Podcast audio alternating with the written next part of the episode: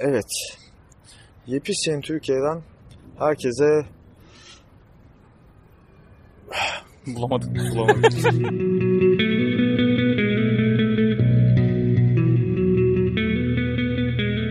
Yoğun istek üzerine 5. bölümdeki iğrenç komünisti tekrar getirdim.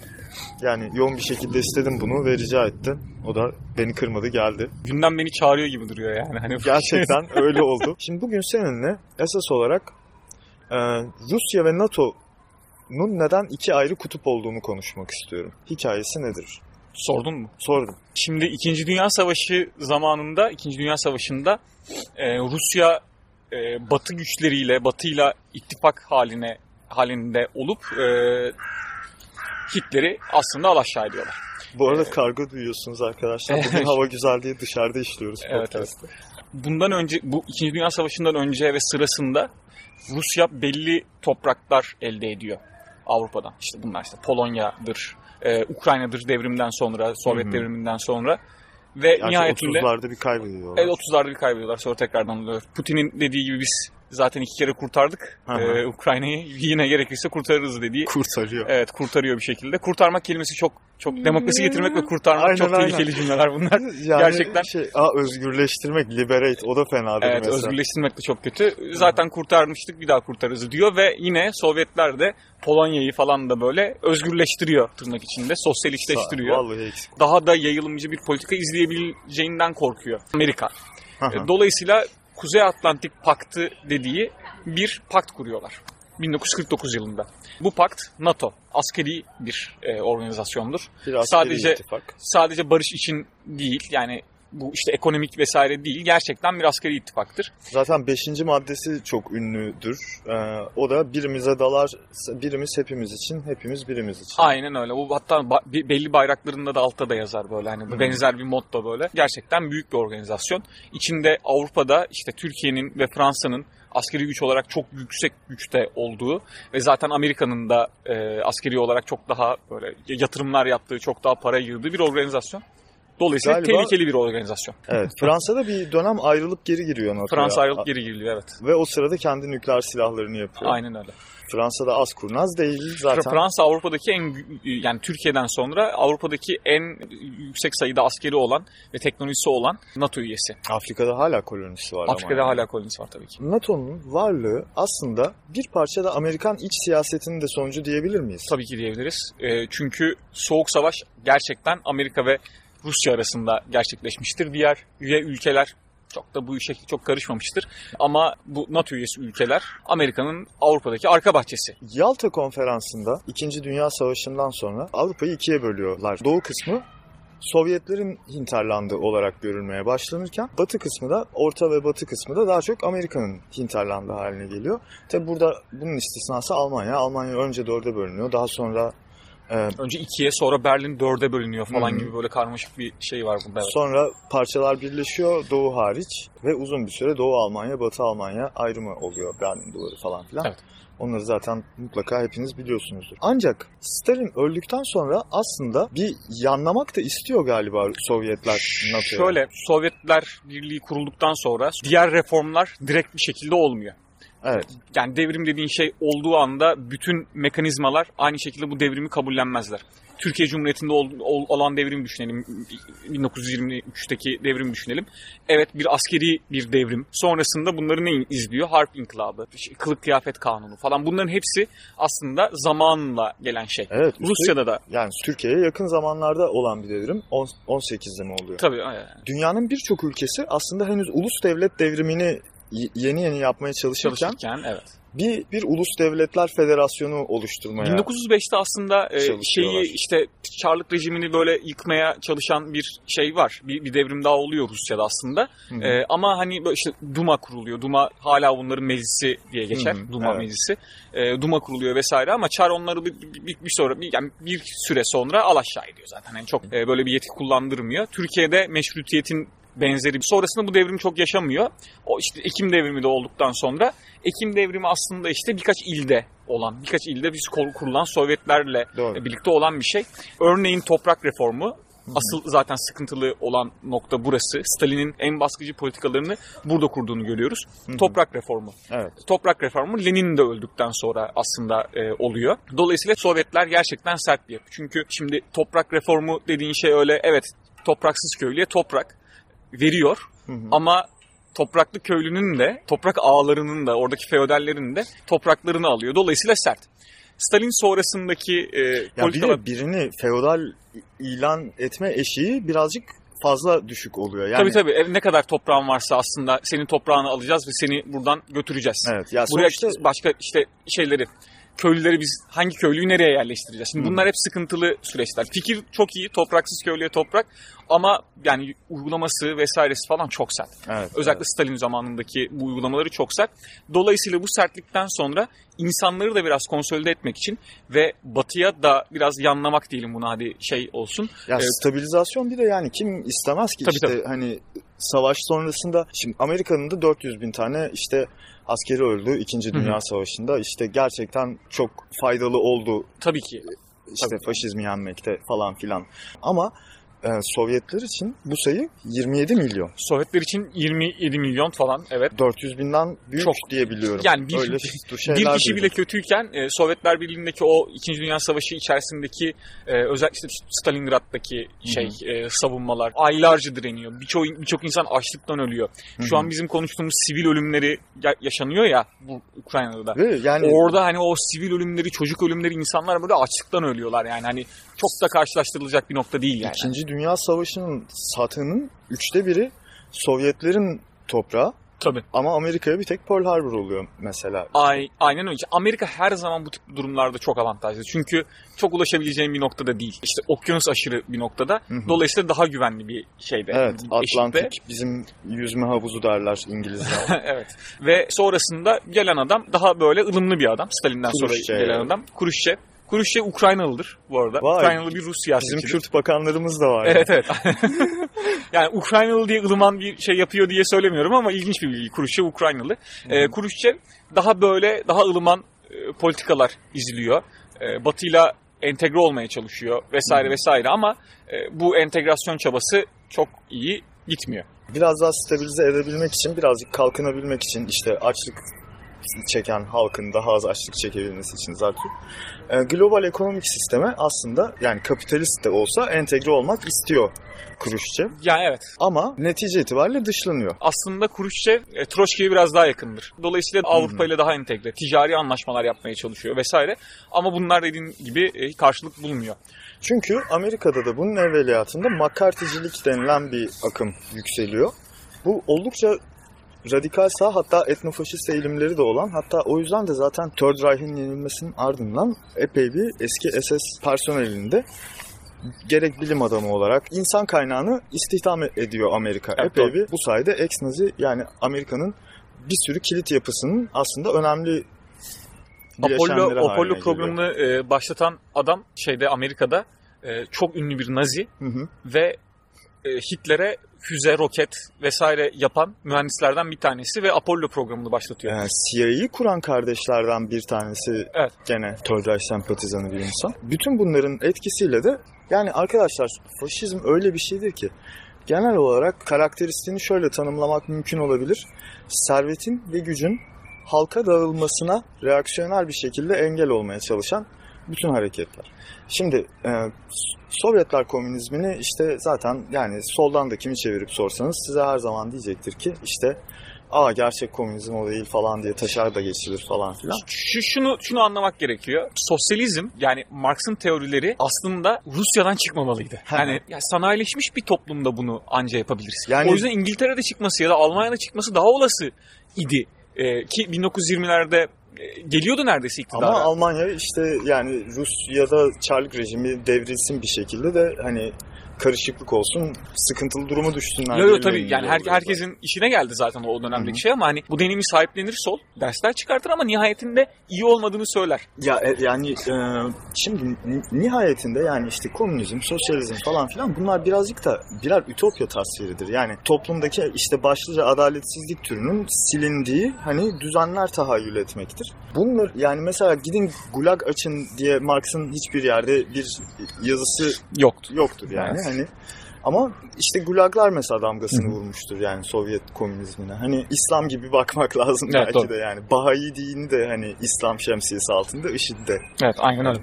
Pekala. Şimdi McCarthy'cilik yani bir tane de Senatör McCarthy var. Bu e, Senatör McCarthy e, Amerika'da işte savaş ve büyük, büyük depresyonun ardından iyice yükselmiş olan milliyetçiliği de kanırtarak böyle vatan haini değilsen Sovyetlere çok pis tavır almalısın tarzı bir baskı oluşturuyor Beyaz Saray üzerinde ve gerçekten de Amerika'nın bütün politikası iç ve dış bir anti-komünizm etrafına şekillenmeye başlıyor ve dünyaya yani faşizm saçan bir bir zehir haline gelmeleri de aslında bir özgürlük deneyi olarak başlayıp değil mi? Fransız ihtilalinden de hatta azıcık Hı hı. önce demokrasisini e, kurmaya başlayan. Amerika kurulduğu anda Cumhuriyetle kurulan bir şey ülke ve yani Ya tabii sadece toprak sahibi erkekler oy kullanabiliyor. ya evet, ta- tamam Yani bu yani. ama yani 1789-1700'lerin demokrasisi biraz Evet o zaman böyle için o- olabilir. fazla bile. Bence onların da yarısı kullanamamalıydı. Neyse şey yani hani ama yani bu McCarthyizm denilen şey ve sonrasında bu Red Scare yani bu anti-komünizm fikri ve yalnızca Sovyet komünizmine karşı değiller. Hani gerçekten birazcık daha sosyal bir düzen hayal eden, birazcık daha ne bileyim işte gelir dağılımı, adaleti hayal eden falan her şeyin üzerine yani böyle Tanrı'nın kırbacı gibi şaklamayı kendilerine bir görev bilerek dönme anları bu aslında. Ve bunun neticesinde 57'de Sovyetler NATO'ya girmek için gidip başvurduğunda da reddedilip Varşova Paktı'nı kurmak zorunda kalıyor. Varşova Paktı nedir? Bunu da istiyorsan biraz şey Lütfen. yapalım. NATO'ya girmeye çalışıyor Rusya bir şekilde. Zaten NATO dediğin şey varlık Sovyet'e karşı kurulmuş, Sovyetlere karşı kurulmuş bir şeydir. Evet, evet. Bir de İkinci Dünya Savaşı sonrasında kurup falan gibi aileler üzerinden askeri sanayi kompleks de çok zengin hale gelmeye Tabii, tabii. başlıyor, oluşmaya Yani başlıyor. Varşova Paktı'nı e, Tının ülkeleri aslında işte Sovyet Sosyalist Cumhuriyetler Birliği'nin ülkeleri kimler? İşte bu Ukrayna'da bunların içindeydi. 15 tane ülke 15 işte. tane ülke işte Polonya'da bunların içerisinde bir kısmı. NATO Amerika'nın arka bahçesi, Varşova Paktı ülkeleri de aslında Rusya'nın biraz arka bahçesi. Yani Evet hani- çünkü So- Sovyetler aslında bir hani Ulus Devletler Federasyonu hepimiz eşitiz falan filan söylemleri yani eminim inancıyla da hani kurulsa da e, Rus milliyetçiliği bir noktadan sonra ele evet, geçiriyor evet. yani. Sovyetler Birliği dağıldıktan sonra 91 yılında Varşova Paktı da aslında ortadan kayboluyor. Dolayısıyla sadece NATO kalıyor. Evet. Bu arada NATO'ya başvurma yılları aynı zamanda da Kırım'ın da Ruslaştırılma yılları etnik olarak. Oradaki Tatarları işte öldürüp falan Tabii filan. yani orada şimdi Kırım aslında Osmanlı zamanında e, Kırım Hanlığı diye geçiyor. Aslında Hı hı. Türk toprağı. Osmanlı da orayı Türkleştiriyor. Yani Bunu- evet. bunu söyleyelim yani. İşte herkes kendi demografik mühendisliğini Evet, evet. yani etnik sahiplerle Ve- yapıyor. Yani bir soykırım diyemezsin belki ama Ya bu, bilmiyorum. kendi kafalarını taşlara öldürmemek falan lazım filan bu hayatta Yani bence tabii. yani bilmiyorum. yani 900 falan hani tartışılır belki. ama Aynen. hayır, Üç haneli sayılarda tuttuğun sürece başımın üstünde ama yani. Nihayetinde orayı Ruslaştırıyor. Sonra Khrushchev Ukrayna'ya Kırım'ı hediye ediyor. Neden bunu veriyor? Stalin zamanında Ukrayna'ya gerçekten çok büyük zulümler Yani, yapılıyor. e, Yani 9 milyon insanın öldüğü söyleniyor 2-3 yıl içerisinde. Ya Yani hani evet çok çok çok insan ölüyor. Orayı e, bunun da sebebi kıtlık. Bilinçli kıtlık. Komünizmin zulmü örneği olarak bu Ukrayna kıtlığı çok söylenir. Ama mesela bunun direkt kapitalist bir paralelinde Bengal kıtlığıyla bulabiliyoruz. Tabii tabii yani hani Tayland'da ne oldu, yaptığı o yani. şeyde ne oldu, yani Afrika'da ne oldu bu Ya çünkü ideoloji muğlak bir şey. İyi çalışacak bir devlet ideolojisi olması şart bile olmayıp E, ideoloji dışında da bir sürü bileşeni olan bir şey yani. Hani E, evet, e, baktığında doğru. o yüzden bir ülkenin kendisine komünizm diyor olması hiçbir şekilde yani iyi, Yo, yo, iyi olacağı anlamına gelmiyor. NATO emperyalist bir yapılanma. Rusya'nın da NATO'dan gerilmek için sebepleri var. Tabii tabii. Ancak acaba bunun karşısına konumlanan şey Rus emperyalizmi değil de gerçekten birazcık daha sosyalize, eşitlikçi, federal, demokratik bir devletler bütünü olsaydı e, belki de yani tutunması da daha kolay olacaktı. Ama faşizmin gözlerinin içine fazla bakarsan birazcık senin de ruhunu kemiren bir şey ve ne yazık ki 2. Dünya Savaşı'nda hem Amerika hem Rusya epeyce bakmışlar. Evet. Amerika böyle adında sosyal, komün falan gibi şeyler geçen her şeyi direkt alev püskürterek öldürüyor falan. Tabii canım bu Küba'da Ee, da aynı şey yaşandı. Hı hı. Sovyetler de bundan elbette ki nasibini alıyor. Tabii, O da kendisi de bir emperyal güç falan zaten. İşte zaten bu, bu da bize soğuk savaşa yarıyor. Netice itibariyle ama Amerika Sovyetleri yeniyorlar. Bunu burada da çok kilit bir figür var. Bir içeriden bir adamları var. Kim bu? İçeriden kim Amerika için söküyor böyle? Kim çekiyor lan? Yeltsin o. Ha Yeltsin evet tamam okey.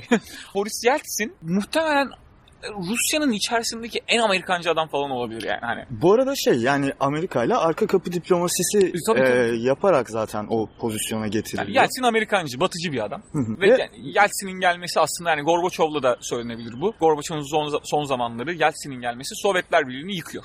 Hı hı. Sovyetler Birliği işte yıkılıyor. Tam bütün her şeyle birlikte yıkılıyor. Ama bak mesela Çarlık Rusyası'nın yıkılmasına kıyasla aslında epey az kan dökülerek Çok yıkılıyor. çok net. Evet Yani evet. ya- bir an bir gecede oluyor bu iş. Yeltsin hani orada gerçekten çok kayalıklı bir ırmağın içinden rafting botunu Aynen öyle. çizmeden Hiç çizmeden geçiriyor. geçiriyor ve bütün kurumlarıyla birlikte yıkılıyor So- Sovyetler Birliği. Yani KGB'si, işte ekonomisi bilmem nesi falan. bir süre sadece yıkılıyor. Kazakistan Sovyetler. Evet bir süre sadece onlar kalıyorlar orada. Bir süre kalıyorlar ve kansız şey yapıyor burada ama enflasyon yüzde binlere çıkıyor. Evet. İşte paranın değeri kalmıyor. Bak Yani sana geçiş şunu dönemi- söyleyeyim. geçiş dönemi çok kötü. 1991 ile 1997 arasında 6 yılda ortalama Rus ömrü 6 yıl kısalmış. Kısalır evet. Sovyetler her şeyi söyleyebiliriz ama gelirin dağılması konusunda Tabii yani, yani e, gelir dağılıyor. Böyle bir gelir adaleti var. uzay yarışı diye bir şey oluyor bir dönem. Şimdi şeyi düşünürsen yani hani Sovyetler zaten uzay yarışının olduğu dönemde savaş sonrası hani çok daha fazla altyapı yarası falan filan var dedik işte o yaralarını sarmaya uğraşmış.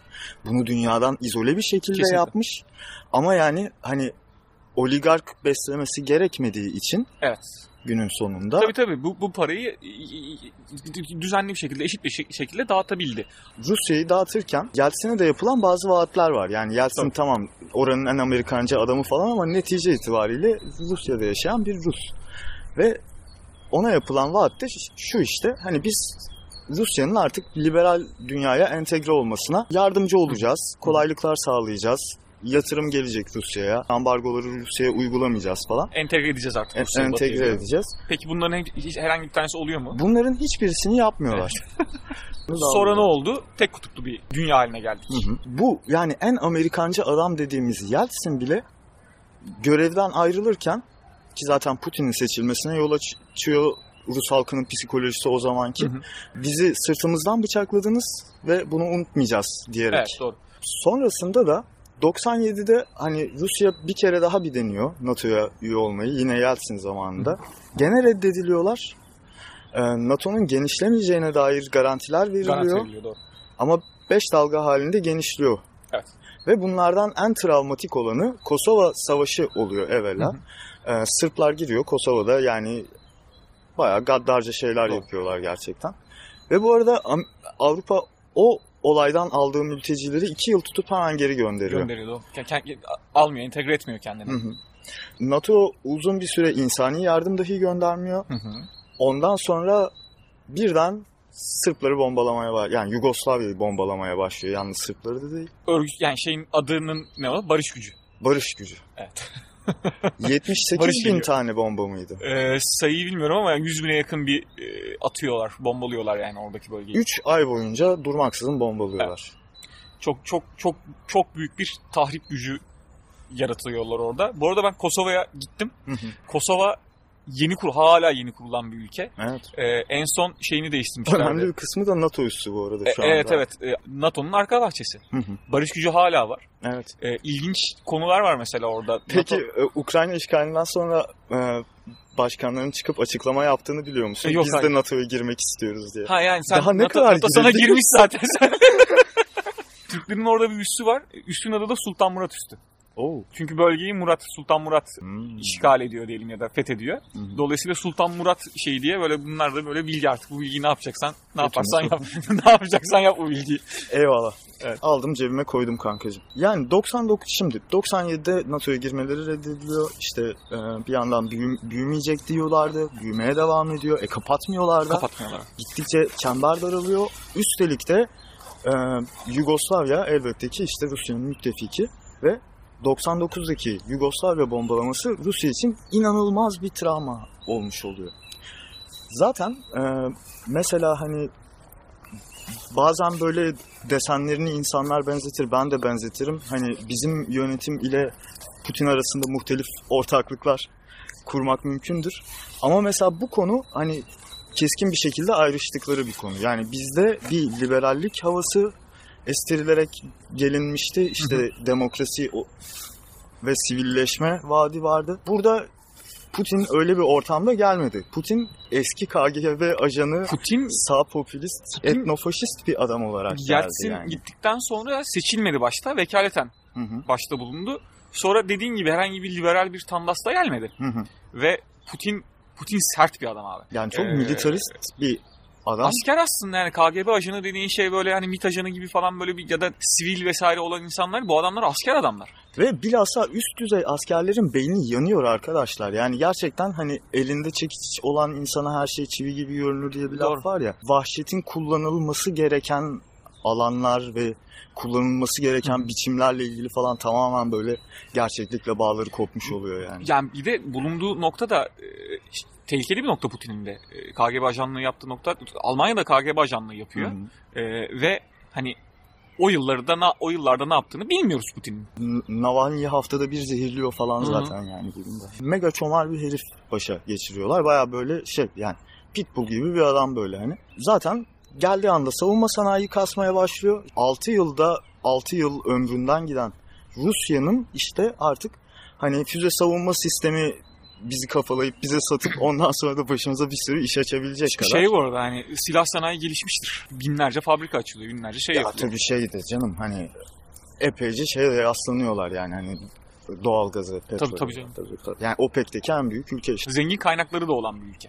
Hı hı. Bir yandan da tamam mı? Amerika Putin'in başa gelmesiyle hemen hemen eş zamanlı olarak bu 11 Eylül saldırılarını yaşıyor. Ve ondan sonra teröre savaş, war on terror dedikleri bir döneme giriyorlar. Bu dönemde de yani açıkçası bir Orta Doğu'nun içinden geçiyorlar böyle. Hani kafalarına göre girip çıkıyorlar her ülkeye ayakkabılarıyla. Hı hı. Şimdi camide içki Tabii, içiyorlar. evet, her şeyi. Camide içki içiyorlardır bu arada yani hani. O, dönem- o dönemin- camide s**malı p***ını çekiyorlar oğlum yani manyak o, o dönem o dönemin hani şeyi gerçekten çok kötü yani. Amerika insanlık adına ve Amerika adına çok çok boktan zamanlar. Şey yani. yani Blackwater ya zaten şey donanmada bir birlik var. Navy Team Navy SEAL Team SEAL 6. Team Six, evet. Evet. Usama Bin Laden'i Usama Bin Laden'i ağlayanlar. evet. Onlar yani gerçekten dünyanın en karanlık insanları bu oluyorlar. adamlarla karşılaşmak istemeyiz muhtemelen. Eddie Gallagher diye bir adam var burada tamam mı? O kadar fazla çocuk vuruyor ki bu herif. Artık daha fazla çocuk vurmasın diye Afganistan'da 8 kere tüfeğinin dürbününü sabote ediyor kendi takımından insanlar. Ya evet bir, bir tane de şey var. Chris Kyle diye bir tane adam var. Ee, filmini yaptılar American Sniper Hı hı. diye. Abi adam yani 300 tane falan böyle konfirme ya öldürdüğü insan var. Ben o kadar Duck Hunt oynamadım ya. E, evet abi sen bir oyunda 300 kişiyi öldürürken ya oyunda bile yani. bir, bir garip olurum Ya değil mi yani? vurmasam mı falan diyorsun ama adamlar bu adamlar şeyler ya, katiller yani bu adamlar. Direkt Gerçekten, katiller yani. Gerçekten. Zaten işte eroin şebekesi falan filan işletmek gibi normalde geleneksel olarak CIA'nin yaptığı bazı operasyonlarda bunlara Bunlar- devrolunmuş. Asker gibi gözükmüyorlar yani. Hani Tabii tabii hepsinin şimdi şey falan sakallılar, işte. saçları uzun. Tişört markası, ne. kahve Aynen, markası aynen. falan var. Böyle hepsinin, ticaret yapan yazıyor. insanlar yani bunlar. İğrenç insanlar ya. Bayağı çok korkunçlar ya. İşte 11 Eylül saldırıları oluyor. Ondan sonra War on Terror denilen bir sürece giriyor Amerika ve Naomi Klein'in Şok Doktrini kitabında tarif ettiği bu evvela işgal edip ondan sonra da işte tamamıyla özelleşmiş şekilde altyapısını yaptırıp onu da işte taşeron taşeron falan bizdeki dolandırıcılık Hı hı. soğanına benzeyen bir şekilde sütünü balını emmek ülkelerin kaynaklarını sömürmek, halkını fakir bırakmak, işte demokrasisinde asla tam yerleşmemesini sağlamak. Ve yani sosyalizmin sesi gelirse böyle anında kafalarını Ya- boş diye ezmek yani. Kesinlikle. 11 Eylül saldırısı sonrasında Afganistan'la mevzunun e, tam da bir alakası yok. Usama Bin Laden'in Pakistan'da olduğu biliniyor. Ama Evet, evet. Pakistan bir NATO müttefiği. Aynen öyle. O yüzden Pakistan'a giremiyor. Ve Afganistan'dan sektirerek Pakistan'a giriyor. durduk yere yani hayatını bıttılar yani Afganistan'ın. Yani Evet. artık bipleri ağzımda. Ee, şey, yani bak şimdi ilk önce zaten bir Sovyetlerin Afganistan'ın işgali süreci olmuştu. O sırada bunlar Taliban'ı ne yapmışlardı? Pakistan'dan Evet. ithal etmişlerdi. Suudi Arabistan da kendi gençlerini yollamıştı. Zaten o yüzden Suudi Arabistan'ın çok acayip hareketleri de tolere edilir ve 11 Eylül mesela arkasında Suudi Arabistan'ın olduğu bilinmesine rağmen Hı hı. Suudi Arabistan'a hiçbir şey yapılmadı. Mümkün değil. Suudi Arabistan'ı karıştıramaz ki Amerika yani. Yani işgal edilen yerler Afganistan, Irak ve Libya oldu. Bu yani gidiyorlar bunlar Afganistan'a giriyorlar. İşte orada bir tane iğrenç bir şey koyuyorlar. Böyle hani gene ahbap çavuş kapitalizmi yapan bir hükümet. İşte savaş ağlarıyla eroin ticareti CIA üzerinden başlıyor. Daha sonra ordu devralıyor bir noktada. Mahvediyorlar yani. Afganistan için artık hiçbir şekilde geri dönüş olamaz. Yok hayır. Sorumlusu bu şok doktrini pratiğidir.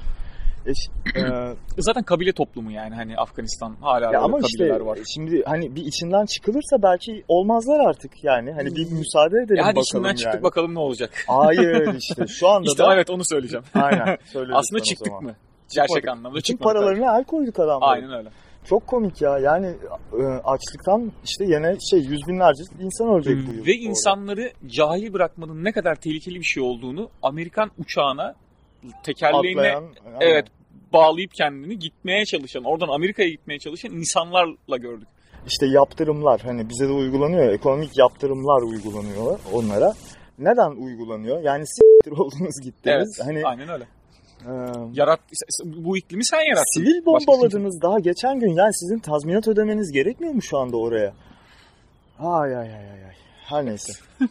Ee, ya işte Irak'ta da böyle kafalarına göre arada birilerini bombalayıp ondan sonra da İran Bek Milişya diyorlar ya. Diyorlar, Hani evet. O İran Bek Milişya şey demek yani tipini sevmedik senin. Tabii tabii. İran'ın işgalinde artık yavaş yavaş böyle şey olmaya başlıyor. Hani kaşlar kalkmaya başlıyor Rusya ve Çin'de de. Ya bu Afganistan'da peki ne yapıyorlar? Afganistan'ı Rusya'yı destekliyorlar Destekliyorlar. kıl kuyruklık yapıyorlar. Evet. Hani bizi de NATO'ya alın ayağına. Evet.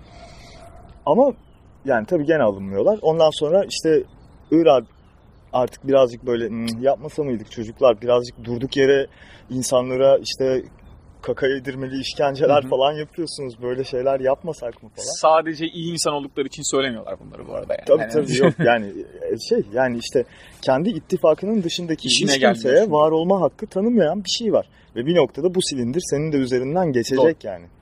O yüzden Ki yavaş yavaş geliyoruz. E zaten Evet. evet. Böyle de oluyor şimdi. Ayaklar girdi içeri. Sonra Suriye'de. Ha sonra e, Libya'da artık açıkça itiraz ediyorlar. Yani Hı hani tamam Kaddafi gerçekten brutal bir diktatör. Gerçekten korkunç bir herif. Ama yeter artık diyorlar ve haklı da çıkıyorlar işte şu Libya'da kimin eli kimin cebinde. Yani Fransa falan bile içeride böyle saçma sapan. İşte gerçi Fransa'nın Fransa'nın içeride olması çok Evet, zaten Kuzey çok- Afrika'nın neyin içinde neyin içinde değil ki zaten yani. yani. Hala zaten bu adamların sömürgeleri yok mu yani bölgede? İnanılmaz hala var. Ama artık işte Suriye'ye geldiğinde sıra Rusya diyor ki orada da dur liseli. Evet. Zaten Suriye tarihsel olarak da bu arada Rusya'nın müttefiki. Esad'ın babasıyla falan da hani Rusya'nın Tabii anlaşmaları var, var. Müsaade etmiyorlar. Baya baya tutuyorlar Esad'ı orada gerçekten yani. Yardımda falan da bulunuyorlar. Yani. Sadece şey değil böyle. Aynen aynen. Bu arada bölge co- coğrafyası e, gerçekten çok, yani Halep falan dünyanın en güzel şehirlerinden bir tanesiydi Ya herhalde. insanlığın yani. başladığı yer Evet. Göbekli Tepe falan hani hemen dibi Hemen işte dibinde yani. insanlığın gerçekten başladığı yerler ve hani coğrafi mimari olarak, coğrafi olarak gerçekten çok güzel yerlerdi. Bağdat farklı mıydı?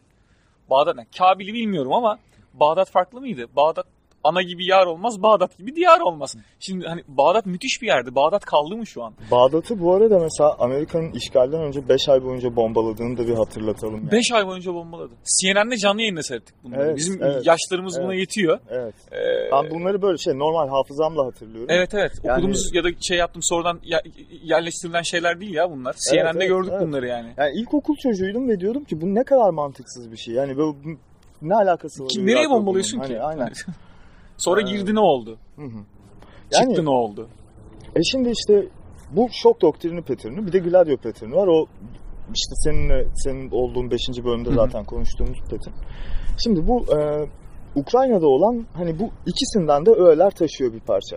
Turuncu devrim diye bir vukuat yaşanıyor. 2004. 2004. Öncesindeki başkanın Rus yanlısı olduğu söyleniyor. Hı hı. Ben Ukrayna'nın hani iç konjonktürüne o kadar da hakim değilim. Bunu verili gerçeklik olarak kabul ediyorum. Evet. Ama sonrasındaki Viktor Yanukovych için de gene Rusçu deniyor. Bu gerçek değil. Turuncu devriminde de gene Amerikan parmağı var. Hı hı. Üzerine bu adam geldiğinde zaten direkt NATO'ya ve EU'ya yanlamaya başlıyor. Doğru. Uzun bir süre reddediyorlar adamı.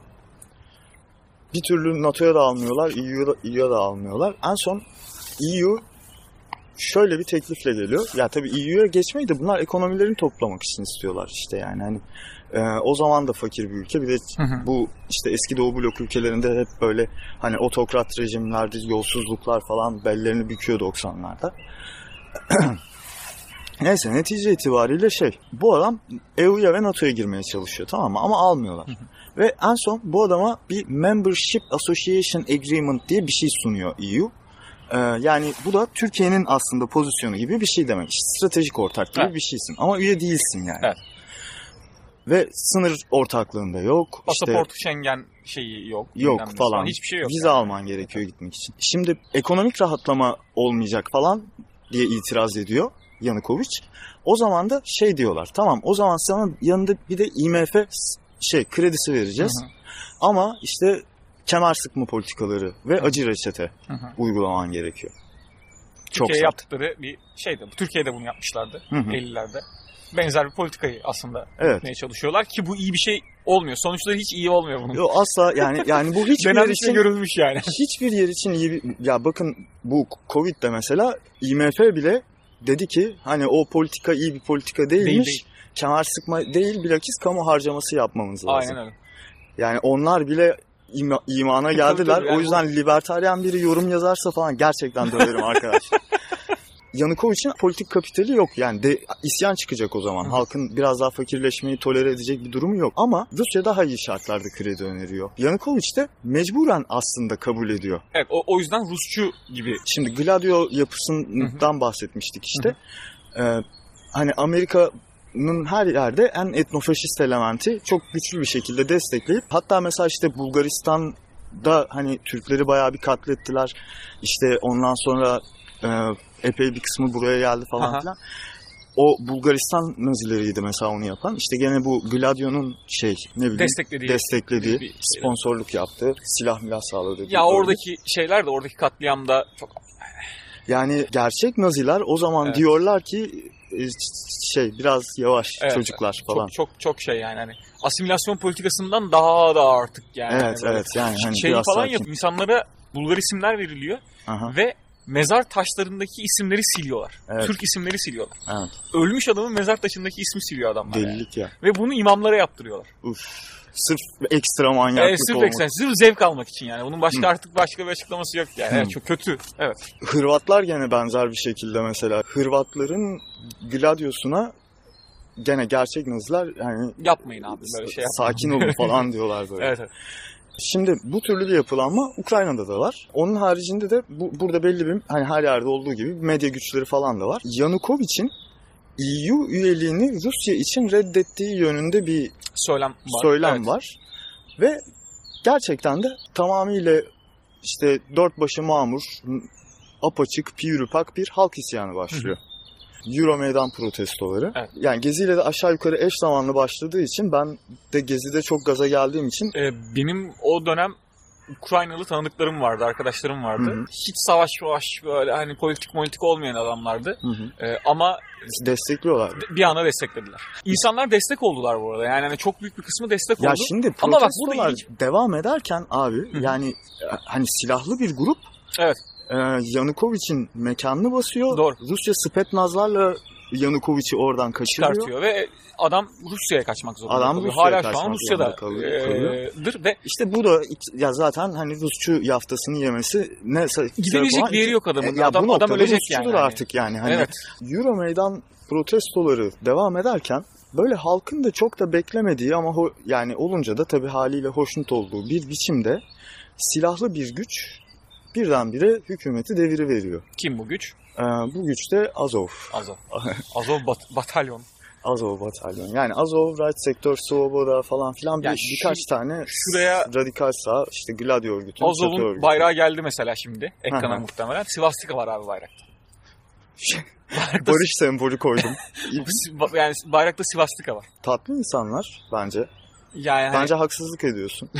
tamam. Ee, Sadece şimdi- bayrağına bakmak yetiyor benim için. Yani bu- Adamların iyi olmadığını anlamak adına. Mesela bu adamlar hani zaten aslında e, arkadaşlar aslında Ukrayna'nın bir neonazi problemi yok tamam mı? Öncelikle. Bunu bir söyleyeyim size. Yani oranlarına baktığınız zaman popülasyonun içinde kaçta tabii. kaçı falan diye Amerika'da daha fazla var abi.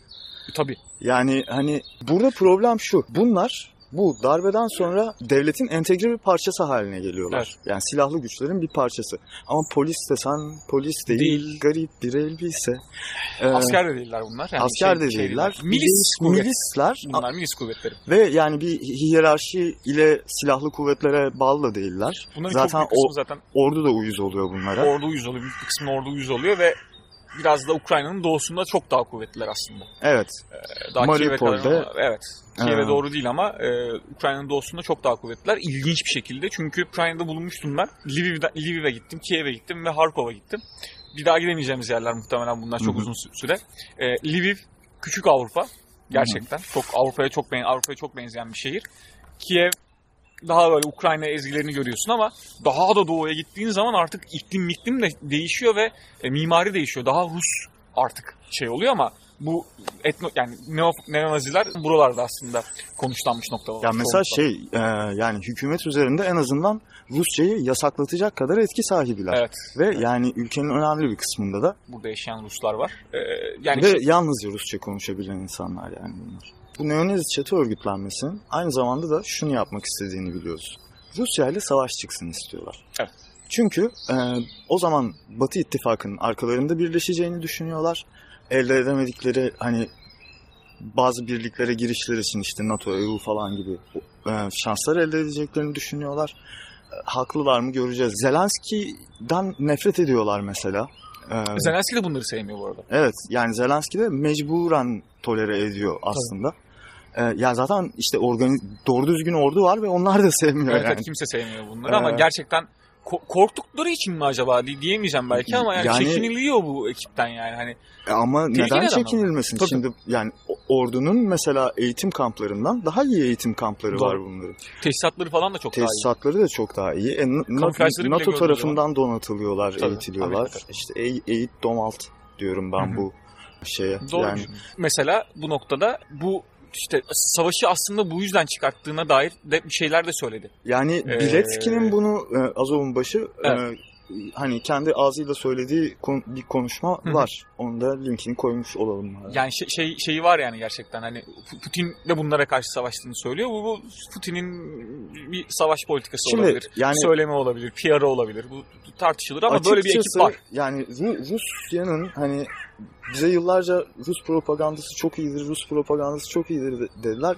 Yani de- hiç Değil. değilmiş. Neymiş gördük Hani gerçekten. e, gördük. gerçekten bok gibiymiş. Herhangi yani. bir propaganda yapamıyorlar ya. Çok Konuşamıyorlar ki. rezalet yani. PR diye bir şey yok Mesela yani. bu işte Dışişleri Bakan Yardımcısı Victoria Nuland'ın bir konuşmasında ağzından kaçırdığı işte laboratuvarlar var. Çok şey kaçırıyor ağzından. Elinin, eline geçerse çok kötü olacak. İşte bun, bunlar hani ne çalışıyor falan bilmiyoruz tamam mı? Yani muhtemelen çok da böyle alınlarının akıyla olan şeyler yapmıyor en azından bir kısmı yani. Tabii. Hani. Ama işte mesela Lavrov çıkıyor diyor ki yalnızca Rus ırkını etkileyen e, silah geliştiriyor. Yani, Yani bu, bu- kadar yüksekten ya uçmasan Putin'in ilk konuşmasında sabah sabah sabaha karşı 6'da mı yaptı konuşmayı? 5'te Hmm. mi yaptı? 2 saat 3 saat konuştuğu konuşmasında şeyden işte bahsediyor.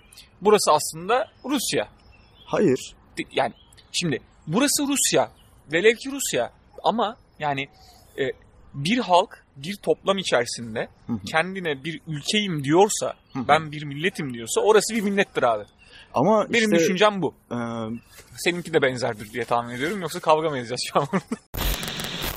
ya Kapısına kadar gelmesini istiyorum. bu- Bize verilen sözler vardı. diyor. yani nükleer füze hikayesinde yani gerçekten haklı. Şimdi Rusya Evet, hani haklı. Cuban Missile Crisis diye bir şey yaşandı. İşte Kennedy'nin gerçekten yani gerçekten kıyameti engellediği bir enstantanedir o şaka Evet. maka ve Tabii, yani Atılabilirdi orada. dışişlerin örgütlenmesinden hiç kimseye güvenemediği için kendi özel jetiyle kardeşini Rusya'ya yolluyor Doğru.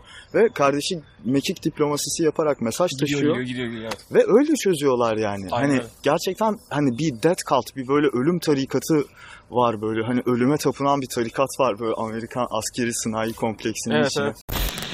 Ve bu yüzden Kennedy'yi de kardeşini de CIA öldürüyor. Üstelik biz bunu CIA'nin yaptığını bilmiyorduk ta ki 2021'e kadar. Daha geçen yıl ortaya çıktı.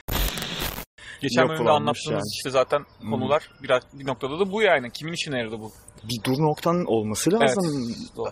Yani sen ölmeyi bayılmak mı zannediyorsun delikanlı? Şey, Radyasyonu floresan mı sandın? Yani bölgede orada bir nükleer silah atılır atılmaz atılmaz çok yüksek ihtimalle.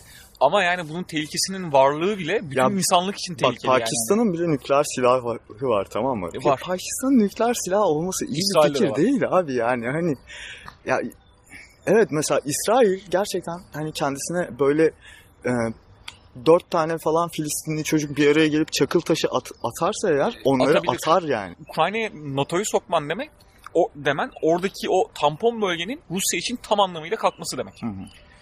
Bu noktada Putin bu söylemiyle birlikte bak burası çok kritik bir nokta.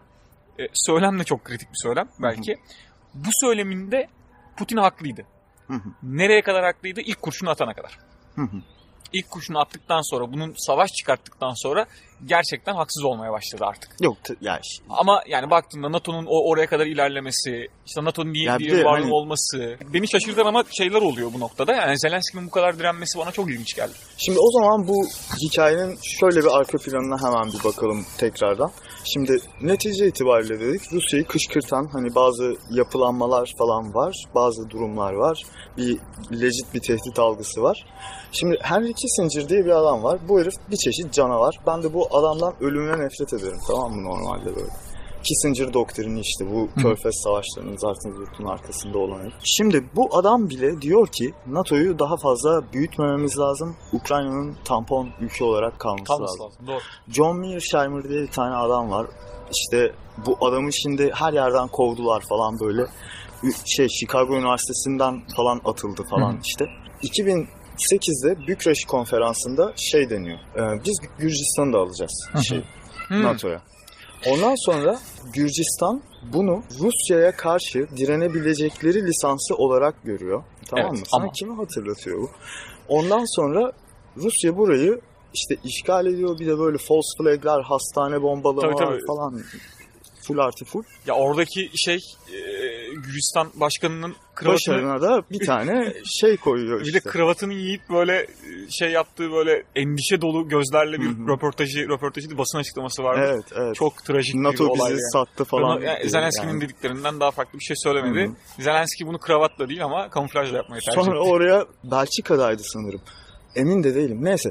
2021'deki NATO konferansında da diyorlar ki üyelik eylem planı, Membership Action Plan diye bir şey tasarladık Ukrayna için. Sınırlarında anlaşmazlık olmasına rağmen ha bu, arada şey Euro meydanda Rusya'nın e, dikkati şeyde değil. E, mevzunun üstünde değil. Soçi kış olimpiyatları oluyor o sırada. evet o sırada. Ee, o yüzden şey bu protesto da tam o zaman başlayınca iyi bir fırsat olmuş oluyor Hı hı. bu Azov'la darbeyi yapmak için. Onu değerlendiriyorlar tamam mı? Ama Putin de buna cevap da veriyor. Kırım'ı alıyor. Hı hı. Ondan sonra bu aradaki 8 yıl mesela Kırım'ın suyu kesilmiş biliyor musun? Evet, Su vermemişler Kırım'a. Yani e, Stalin'in yaptığından çok farkı yok gibi. evet yani işte bu Bu arada mesela Kırım'daki Kırım'da bir referandum düzenleniyor. Hmm, Sayı- %95. Şey Donbas'ta 97, Kırım'da 85 gibi böyle bir rakamdı. Çok emin değilim ama Yani- çok yüksek bir Ya rakam. şey yani hani Ama e, şimdi bak bu bu, bu, bu açık rakam oylama belli ki yani. Bu rakam gerçek bir rakam olabilir. Neden gerçek bir rakam olabilir biliyor musun? Çünkü bölgeyi zaten yıllardan beri Ruslaştırdılar. Ya bir de şey de var yani o sırada hani tam işte Rusça konuşmanın falan yasaklandığı bir E- ortam e- var evet, yani. evet. Bölgedeki insanlar da Ruslar İşte yani. neonaziler devreye gezmeye başlamışlar, eşkıyalık yapıyorlar falan. Rusya'nın stabilize edeceğine Çok kurşun atmadan aynen. yaşanan bir durumdu. Referandumda hani öyle hayvan gibi yüksek oy çıkmasının sebebi birazcık da o. Adamlar yani silahlanmışlar. Bir de doğuda daha fazla yapılanmaları var. Yani gene Amerika'nın tercihleri son- sonucu. Ee, ve yani götünü kesmeye geliyorlar senin. doğru. Ee, o yüzden de hani %95 çıkar tabii ki yani. Şey durumu. e, Zaten bombaladılar da bu bu- savaş çıkana Zaten kadar evet oraları. bombaladılar. Donbas'lı Donetsk'i zaten çok yani işte bütün bunların ışığında da şimdi bu e, 2021'deki NATO toplantısında şey olunca biz Ukrayna için sınırlarında sorun olmasına rağmen bir üyelik aksiyon planı özel bir durum olarak yaparak NATO'yu genişleteceğiz diye bir karar çıktı. Üstelik de bu karara Almanya ve Fransa itiraz etmesine rağmen Amerika'nın ısrarıyla çıktı. Hı hı. Ee, bunun arkasından şimdi o zamanlar bu durumu bu kadar bilmiyorduk. Bunun arkasından aslında belliymiş yani Putin'in Ee, derlenip işgal edeceği. Yani şey belli yani 2021'in başında değil ama ben sonlarına doğru falan zaten Hı hı. çok Ağustos. e, yani Ağustos ayından itibaren de e, yani çok Hemen yükseldi her şey. hem yani. hem yükseldi hem de oraya e, tatbikat adı, tatbikat adı altında asker yığdılar, silah yığdılar, tank Hı hı. yığdılar. Doğru 138 bin asker. Evet, evet çok fazla asker yığdılar ve aslında bir şey bekliyordu, kıvılcım bekliyordu bu. Ee, yani o, o yani bu kadar göz göre göre olmalı mıydı çok emin değilim. Yani bu kadar dürtmek çok doğru değildi orada. Yani e, O, olacak olan çok netti. Çünkü bu şey gibi bir durum değil yani böyle. Rusya orada bir proxy war yapmaz. Hı hı.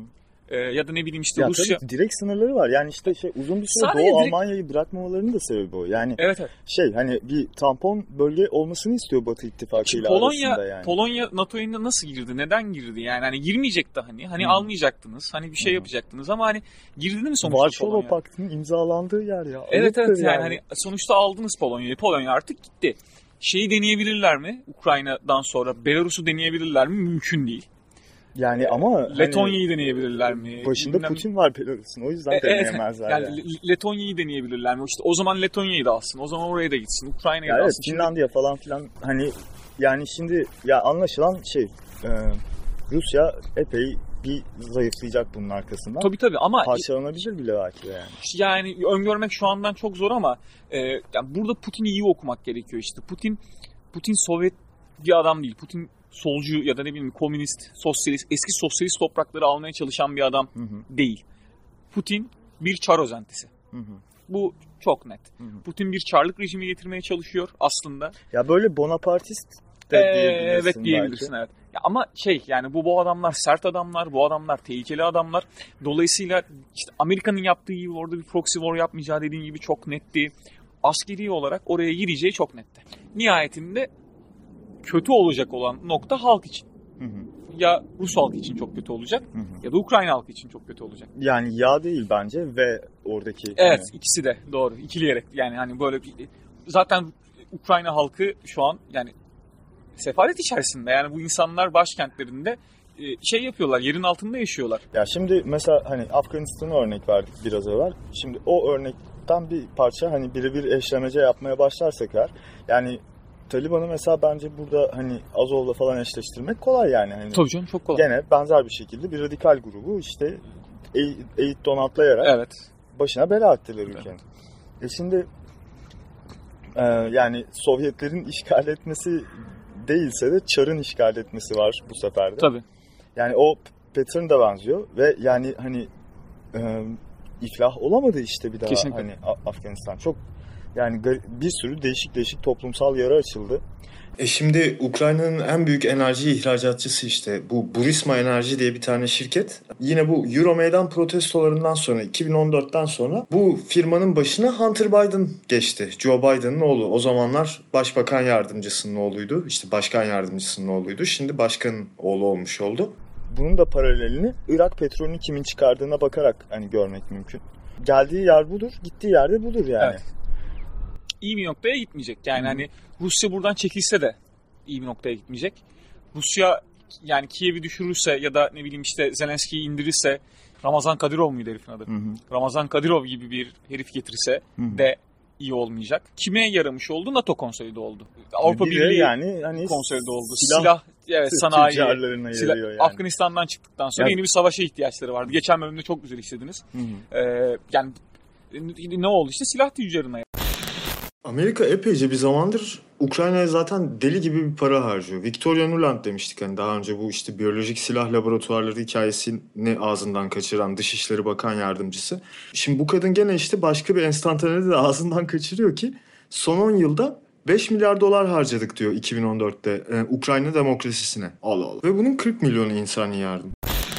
Bu arada o yani çok artarak devam etmiş. Sırf 2021'de yaptıkları silah yatırımı Ukrayna'ya 1 milyar dolar. Sanki böyle hani niyeti zaten kendilerini koruması değil sanki Değil. yani ya da deeskalasyon değil yani Değil.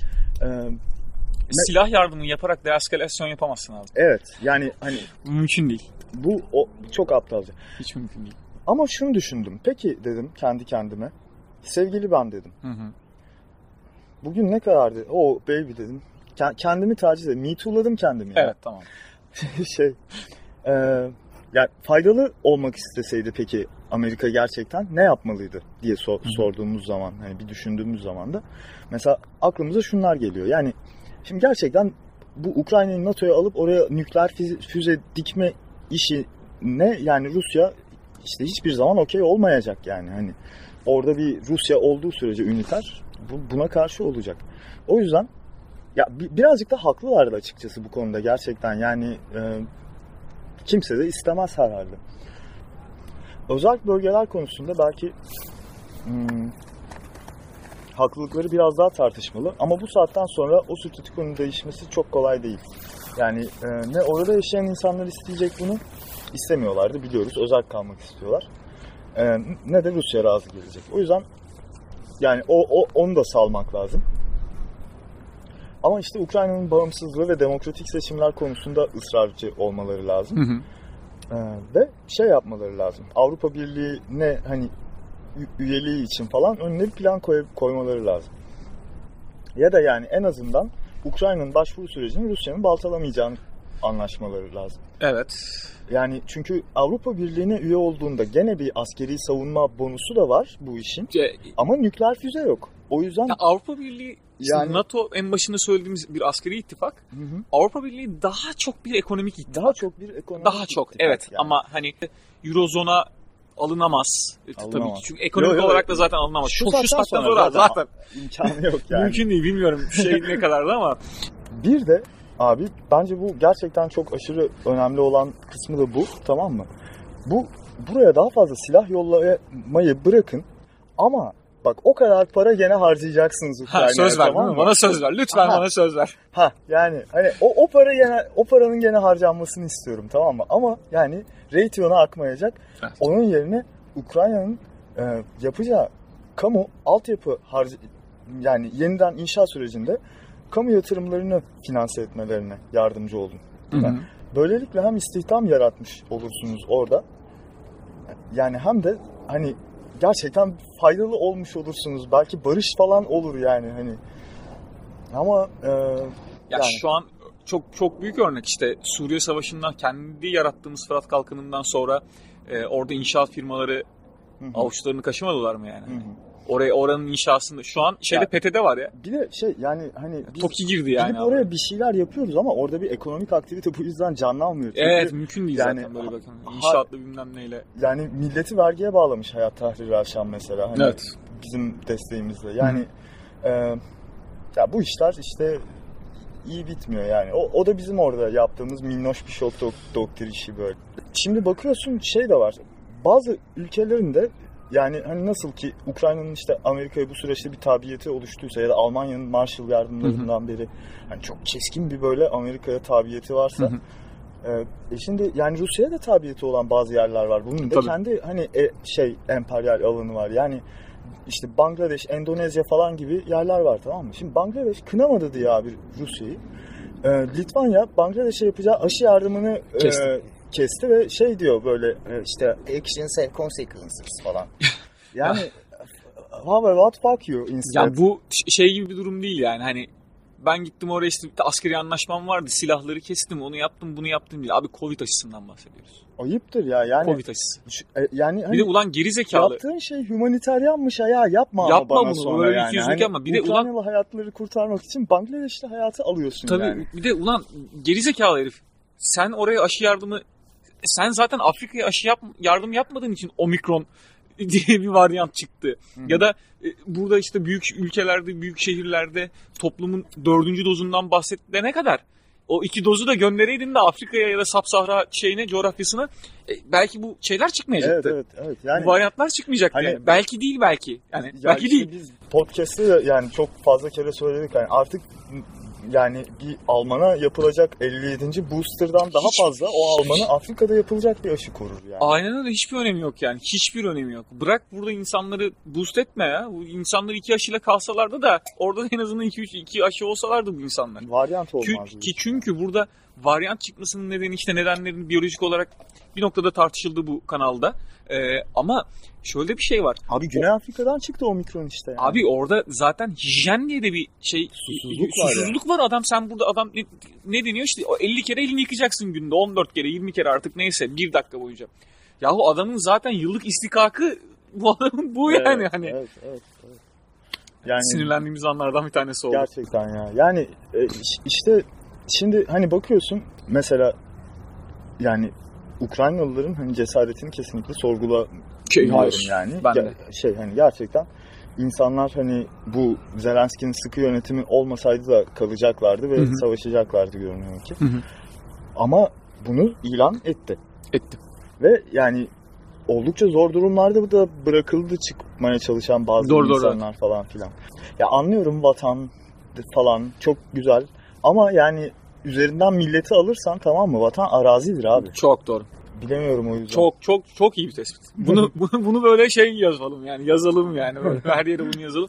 Çok iyi tespit. Çok haklısın.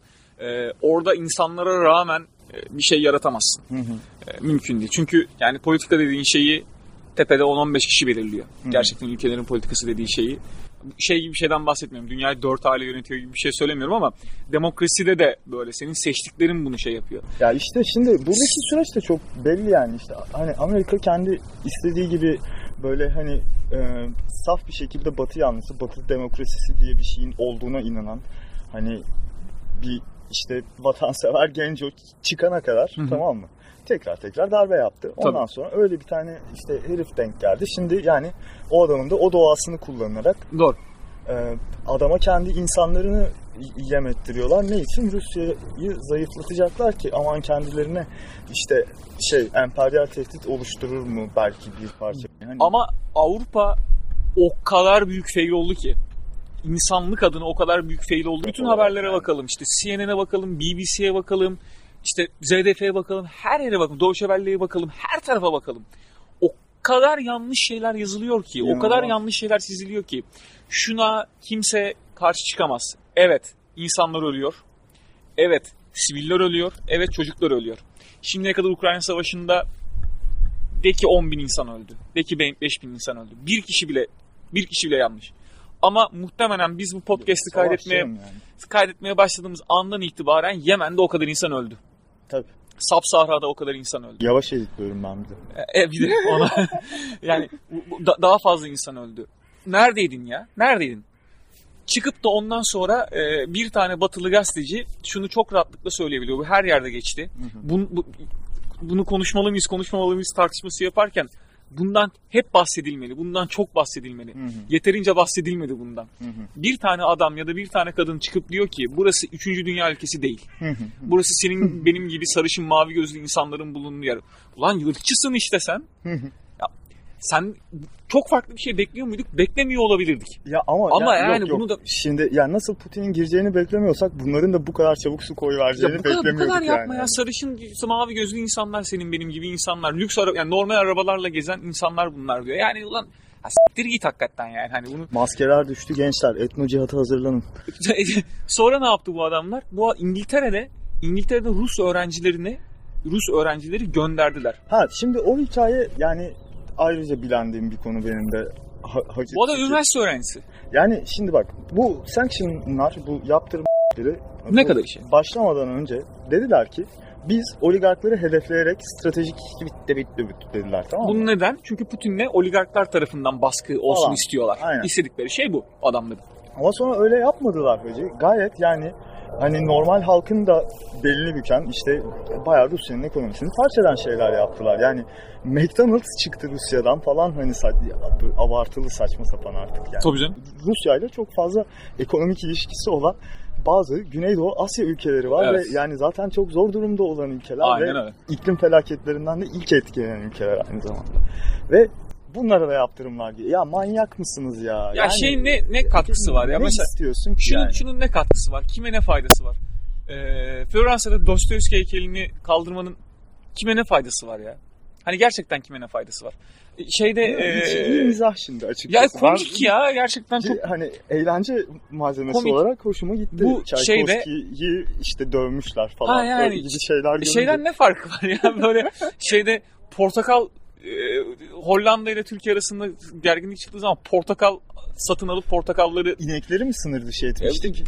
Hatırlamıyorum. tane yani. sınır dışı Hollanda ineği değil mi? Sınır ineği. Pahalı da şeyler. Ulan sana zarar. Adam gidip mesela Amerika şeyinde Coca-Cola alıp Coca-Cola'yı yani döken insandan ne fark? Hiçbir farkı yok. Hiçbir farkı yok. Almanya'da e, böyle enstitülerin, üniversitelerin Rusya ile olan bilimsel projeleri iptal edildi abi. hı. Rus bilim adamlarıyla iş yapmıyorlar bu Evet. insanlar. Çok komik. Ya bir de bu ekonomik yaptırım... Biz güzel. hani dünya vatandaşıydık, hani bilim evrenseldi. O şey, Fail. bu ekonomik yaptırımların başarı oranları çok düşük. Bunlarla rejim deviremiyorsun Hı abi hı.